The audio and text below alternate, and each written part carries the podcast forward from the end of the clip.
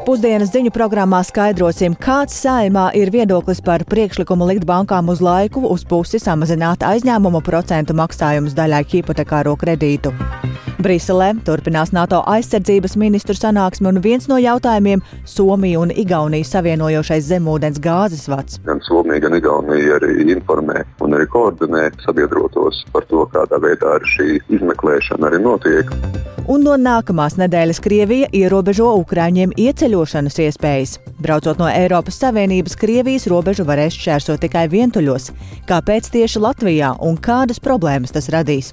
Arī par to jau tūdaļ redzēsim raidījumā Pusdiena.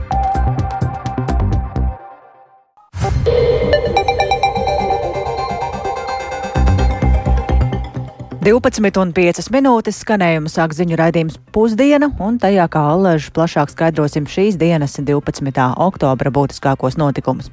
Studijā Dāca Pēkšēna, esiet sveicināti! Līdz lemšanai saimā pirmajā lasījumā ir nonākuši patērētāja tiesību aizsardzības likuma grozījumi, kas pat labam paredz bankām par 50% uz laiku samazināt aizņēmumu procentu maksājumus daļai hipotekāro kredītu. Parlamentārieši tieši šobrīd ir tikuši līdz šim jautājumam un ir sākušās debatas par to, un likuma projekta autori no saimas budžeta komisijas pieļauj, ka piedāvāto regulējumu vēl varētu pārvērtēt, bet pēc būtības to nemainīs. Vairāk gatavs stāstīt kolēģis Jānis Kīncis, kurš seko līdzi saimas sēdēji un šobrīd pievienojas mums tiešaidē. Sveiks, Jāni! Sveicināti! Jā, Saimnes budžeta un finanšu komisijas e, virzītie likuma grozījumi tapuši ņemot vērā strauji augušās eiriboru likmes kredītiem. Likumprojekts paredz, ka bankām no šā gada 1. novembra līdz nākamā gada 31. oktobrim būtu par 50% jāsamazina aizņēmuma procentu maksājumu tiem hipotekāro kredītu ņēmējiem, kuriem tas ir vienīgais kredīts un kuru, un kura kredīta atlikums nepārsniedz 250 tūkstošus eiro. Lik likmes samazinājumu piedāvāts attiecināt uz kredītiem, kas izsniegti līdz šā gada 30. septembrim. Savukārt šo atbalstu neparedz tiem, kuri kreditēto mājokli izīrē. Likumprojekta autori arī ir secinājuši, ka šāds regulējums rada tiesiskus riskus un ietekmi uz finanšu pakalpojumu pieejamību un investīciju vidi arī nākotnē.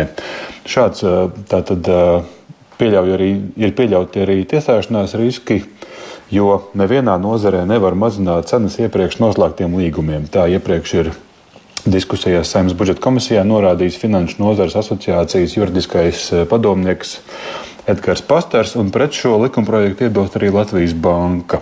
Vērtējot šos riskus, Saimnes budžeta komisijas priekšsēdētāja biedrs Andris Šuvājevs no progresīvajiem eh, sarunā ar Latvijas radio uzsvēra, ka likumprojektu saimā skatīs ierastā kārtībā trīs lasījumos, tātad bez steidzamības, un līdz galīgajam lasījumam eh, šo likumprojektu sagaida vēl dažādas izmaiņas.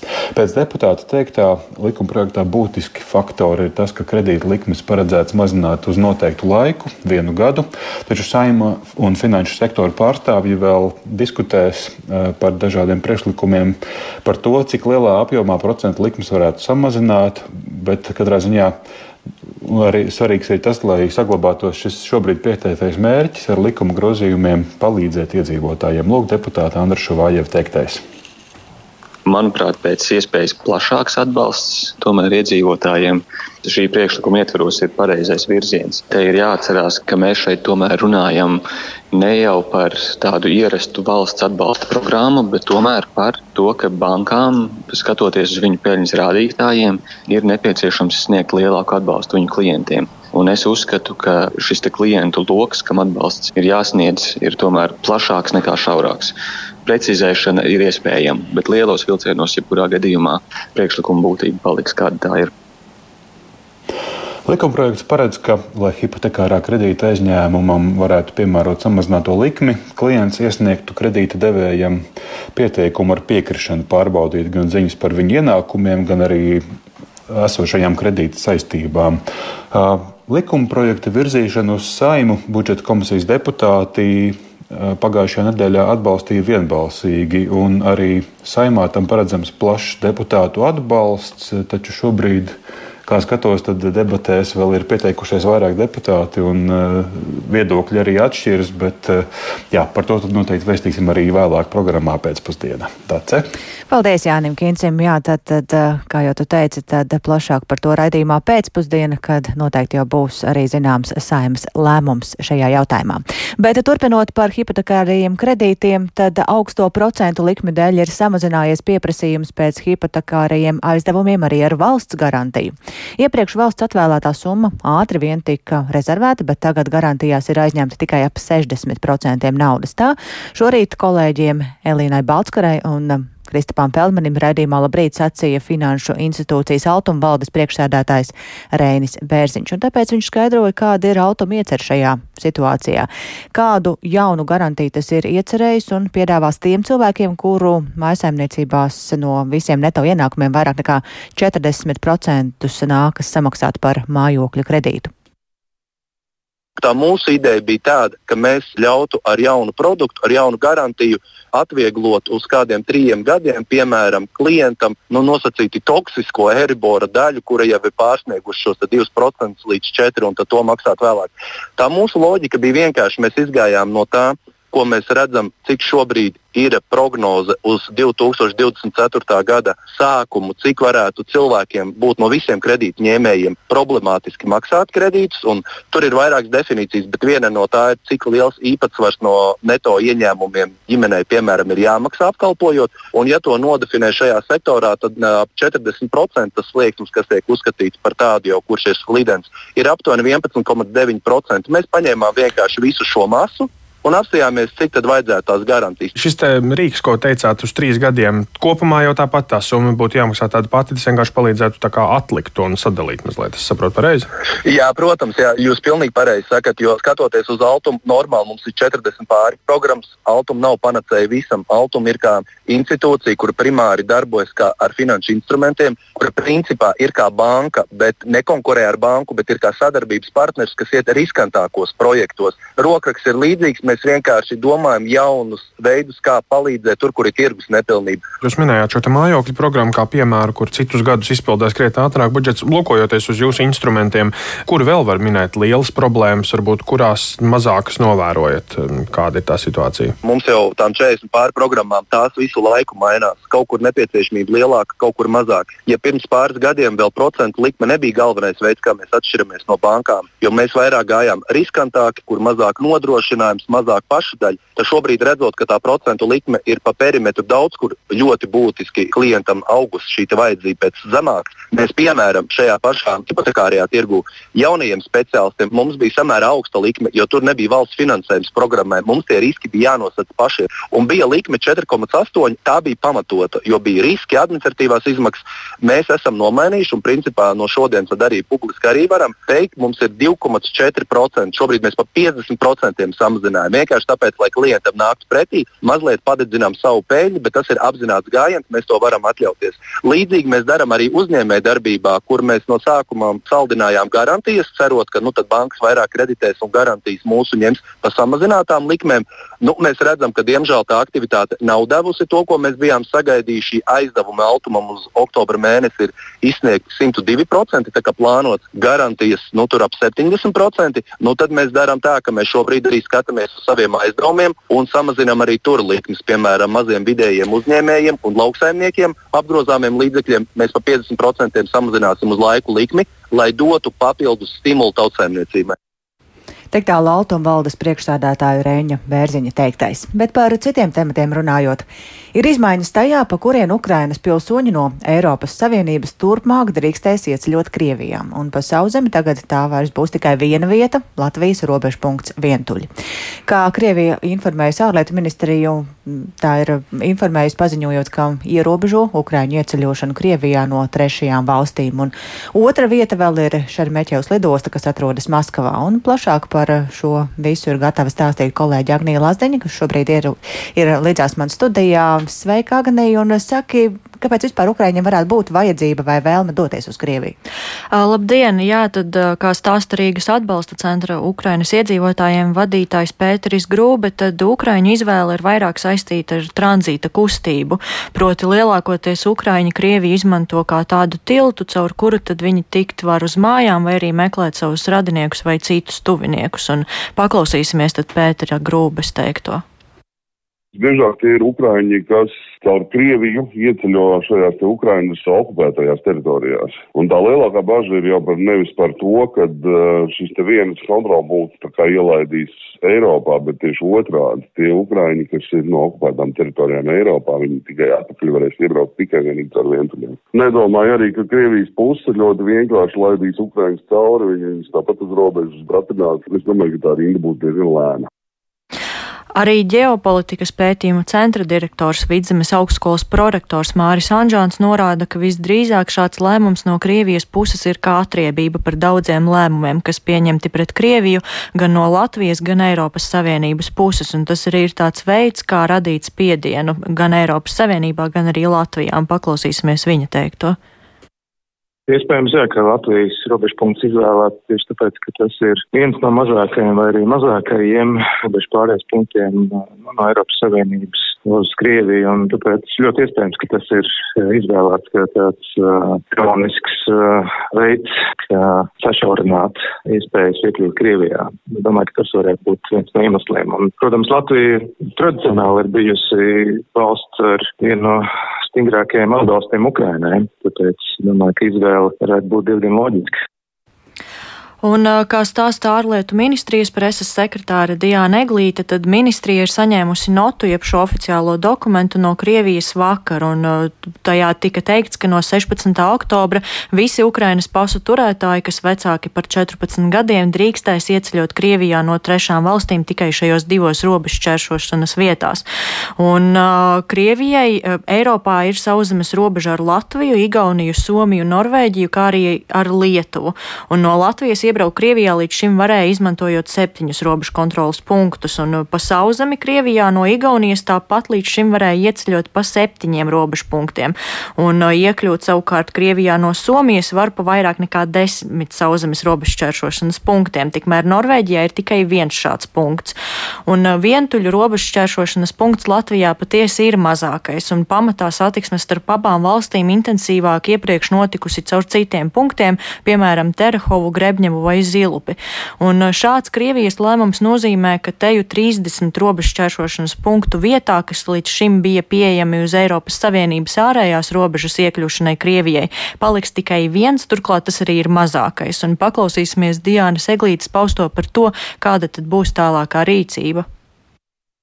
Ārlietu ministrs Krišāns Kariņš ir publiski paudis, ka Krievija šādā veidā turpina savu taktiku, cenšoties šķelt Eiropas Savienības dalībvalstis, kam ir robeža ar Krieviju. Viņš arī norādīja, ka šāda rīcība ir lemta neveiksmē un ir uzsvēris, ka Latvija cieši saskaņos vienotu nostāju ar Eiropas Savienības un NATO partneriem, lai attiecīgi rīkotos.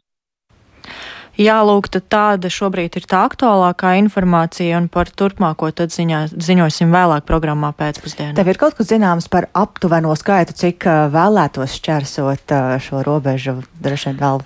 Pagaidām to vēl ir grūti pateikt, bet kā visas uzrunātās personas minēja, tad ir gaidāms diezgan liels pieplūdums šajā robežu punktā. Paldies Agnijai Lazdeņai. Tā tad atgādināšu, ka šobrīd um, ir izlemts. Krievija ir paziņojusi ārlietu ministriju, ka turpmāk Ukraiņi varēs ieceļot Krievijā tikai pa diviem uh, robežu šķērsošanas punktiem, respektīvi pa sauzem tas būs viens uh, Latvijas robežu punkts vientuļi un vēl Šeremeķevs lidosta, kas atrodas Maskavā. Balvu novads uh, ir gatavs robežu čērsotāju skaita pieaugumam vientuļu robežu kontrolas punktā. Tā aģentūrai Leta ir norādījis domas priekšsēdētājs Sergejs Maksimovs. Viņš gan arī norāda, ka šobrīd tas lielākais nezināmais ir cilvēku skaits, kuri gribēs čērsot robežu, jo līdz šim tie vidēji bija 50 Ukrainas iedzīvotāji, kuri devās uz Krieviju, bet kopā caur Igaunijas, Somijas un Latvijas robežu čērsošanas punktiem vidēji tie bija 500 cilvēku dienā. Līdz ar to jā, tas nezināmais ir cilvēku skaits, cik daudz vēlēsies to darīt. Turpinām ar citiem notikumiem. Briselē šodien turpinās NATO aizsardzības ministru sanāksme, kurā amatpersonas spriež to starp par pašas alianses dalību valstu drošību. Somija un Igaunija informē pārējās dalībvalstis par neseno incidentu ar Baltic Connector cauruļvadu, kura posmam ir radušies bojājumi, un par notikušo atbildīga varētu būt Krievija, taču oficiāli tas neizskan un plašāk par to stāsta Rihards Plūme. Somiju un Igauniju savienojošais zemūdens gāzes vads Baltikonektor stiepjas 77 km garumā starp Paldiskiem un Inko. Cauruļvads stiepjas cauri visam Somu līcim. Noplūde cauruļvada posmā tika konstatēta naktī uz svētdienu. Konstatēti arī bojājumi abas valstis savienojošajā komunikāciju kabelī. Par notikušo uzsākta krimināla izmeklēšana, ko vada Somijas centrālā krimināla policija. Tā ir paziņojusi, ka cauruļvads ir bojāts tīši. Arī Somijas un Igaunijas amatpersonas ir atzinušas, ka bojājums radies ārēja spēka ietekmē, tas ir mehānisks un to izraisījis cilvēks. Lai gan Norvēģijas seismoloģijas institūts naktī uz svētdienu fiksējis iespējamus prāts, sprādzienu Baltijas jūrā starp Somiju un Igauniju netiek norādīts, ka pie vainas bijis sprādziens. Izskanējis, ka netālu no vietas, kur radusies noplūde, aizvadītajā nedēļas nogalē atradies Krievijas kravas kuģis. Vairākie analītiķi norādījuši, ka cauruļvadu varētu būt sabotējusi Krievija. Amatpersonas nevienu līdz šim oficiāli nav vainojušas. Incidents ar cauruļvadu un kabeli tiek apspriests arī NATO aizsardzības ministru sanāksmē Briselē. NATO ģenerālsekretārs Jens Stoltenbergs pirms sanāksmes izteicās, ka gadījumā, ja tiks pierādīts, ka tas ir apzināts uzbrukums NATO kritiskai infrastruktūrai, tas būšot nopietni un radīšot vienotu un apņēmīgu NATO atbildi. Arī NATO valstu vēstnieki NATO padomē apsprieda šo jautājumu aiz slēgtām durvīm. Kāds diplomātiskais avots Somijas sabiedriskajiem medijiem sacīja, ka notikušais tiekot uztverts nopietni. Alianses kritiskās infrastruktūras drošība tiek apspriesta arī šodien. Situāciju Latvijas radio programmā Labrīt šorīt ieskicēja Latvijas aizsardzības ministrs Andris Sprūts no partijas progresīvie. Protams, ka tas, kas ir noticis, nu šeit ir virkni jautājumu par to, kas un kā tas ir. Teiksim, tā arī tieši noticis. Bet eh, šobrīd ir noteikti konsultācijas starp sabiedrotajiem šeit. Gan Somija, gan Igaunija arī informē un arī koordinē sabiedrotos par to, kādā veidā šī teiksim, izmeklēšana arī notiek. Un noteikti, šeit būs arī secinājumi par to, ko var darīt nacionālā līmenī. Es domāju, mēs runājam par Latviju. Tad šeit, protams, absolūti arī ir šī sapratne par to, ka kritiskā infrastruktūra ir jāaizsargā. Tas nenoliedzami vienlaikus ir reģionāls uzdevums, jo skaidrs, ka šeit arī ļoti bieži šī kritiskā infrastruktūra ir starp valstīm, kā mēs redzam, absolūti Igaunijas un Somijas gadījumā, un tas ietekmē noteikti reģionu kopumā. Un, protams, ka šeit no atkal ir jautājumi, ko mēs varam pacelt dienas kārtībā un paceļam dienas kārtībā. Šobrīd arī šī jautājuma būs dienas kārtībā, respektīvi par to, kā alianses var iesaistīties, lai pēc iespējas drošāk un pēc iespējas aizsargātāk būtu kritiskā mhm. infrastruktūra ar visu sabiedroto iesaisti. Jautājums par NATO valstu kritiskās infrastruktūras aizsardzību īpaši aktualizējies kopš cauruļvada Nord Stream sabotāžas. Zemūdens kritiskās infrastruktūras aizsardzība saskaras ar izaicinājumiem, un to nodrošināt ir sarežģīti. Tas arī saprotams, jo šādas infrastruktūras kopgarums ūdeņos ir milzīgs, un katrā kilometrā nodrošināt fizisku novērošanu nav iespējams. Eiropas komisija tikmēr vēlas palīdzēt ieguldīt zemūdens kabeļu projektos, kas padarītu Eiropas Savienības zemūdens interneta kabeļus vairāk aizsargātus pret sabotāžu. To vēsta izdevums Politico, kura rīcībā nonācis dokuments no Briseles. Sagaidāms, ka Briseles rīcība sakos nākamā gada sākumā, un tā būs kā daļa no jaunas stratēģijas telekomunikāciju nozares un interneta infrastruktūras uzlabošanai. Tas būs pamats jaunam digitālo tīklu likumam, par ko paziņojas iekšējā tirgus komisārs Ķerī Bretons un kas paredzēts 2025. gadā. Tas palīdzēs telekomunikāciju uzņēmumiem pātrināt tehnoloģiju attīstību, atvieglojot ierobežojumus un piesaistot vairāk kapitāla. Rihards Plūme, Latvijas radio. Un raidījuma pusdiena turpinājumā atgriežamies pašmājās. Un skaidrs, ka dažādas jaunas prasmes vislabāk ir apgūstamas reālā darba vidē. Un tagad tāda iespēja būs Latgales industriālajā tehnikumā, kur tikko durvis ir vēris vērienīgs slēgta tipa poligons, kurā apgūt četras valsts tautsaimniecībā svarīgas profesijas. Poligons, kas tapis vairāk nekā sešus gadus un kurā ieguldīts vairāk nekā 6 miljonu eiro, ir īpaši aprīkots. Tajā ir īpaši aprīkots darbnīcas būvdarbiem, būvniecībai, autotransportam un metāla apstrādē. Un jaunajā un modernajā Latgales industriālā tehnikuma kompleksā ir ielūkojusies arī mūsu Latgales novada korespondente Silvija Smagare. Paklausīsimies viņas reportāžu.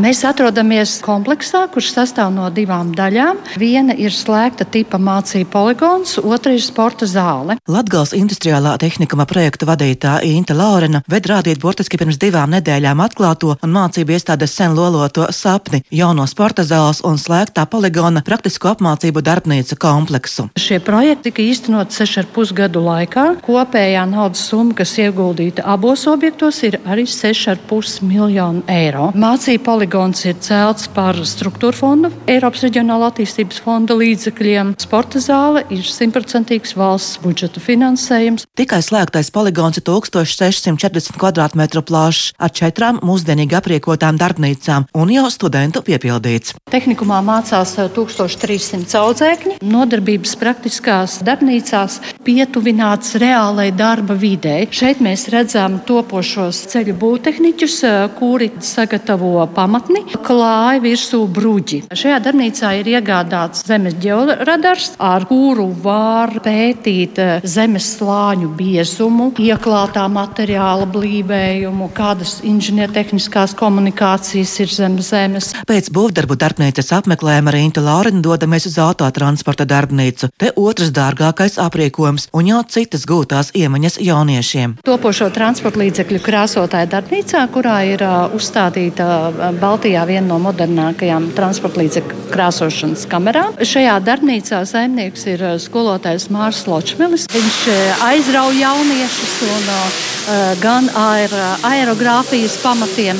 Šobrīd labākie jauniešu darbi ir izstādīti Daugavpils cietoksņa inženieru arsenāla izstāžu zālē. Mēs te ne tikai krāsotājs, arī mehāniķiem arī mums ir tāda iespēja pamācīt krāsot. Tā kā lūk, šī pieņemsim grupa šobrīd atrodas ceturtais kursiņš. Iekšā ir transporta līdzeklis jau iesākts krāsot.